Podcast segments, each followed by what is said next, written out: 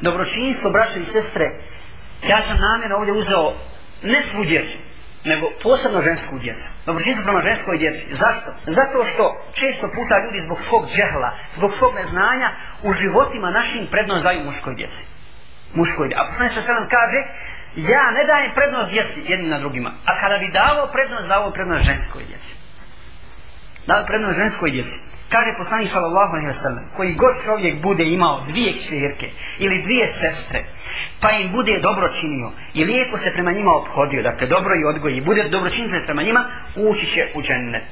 Hadis bilježi vnimađi. Mislim da nema ni jednog muslimana ovdje sad među nama, nakon ovog hadisa da ne, ne želi da ima čirku ili sestra.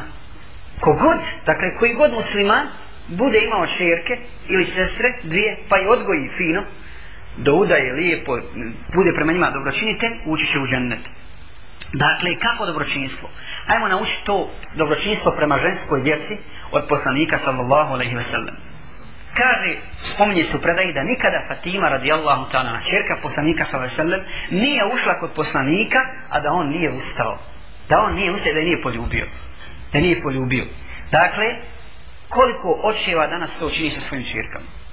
Skoro nikom skoro nikom. Čak kada je oženio Ali radi Allahu ta'ala, onda je njihova kuća bila malo dalje. Bilo malo dalje od poslanikove, stvarno se daleko, pa je poslanik sa srdem zamolio čovjeka koji je imao kuću blizu mesiva da mu proda tu kuću. Pa ga pita ovaj, zašto je Rasul, što ti, što ti moja kuća? Kaj prodaj mi je, jer ja ne mogu izdržati puno bez Fatimi. Ne mogu da živim bez nje ako je ona daleko od mene. Dakle, pogledajte dobročinstva i hasana i subtilnosti, a vidjet ćemo i svi ostali aspekata koji ćemo, koji spomenuti. Ako nas ne učio poslanik sallallahu alaihi wa sallam.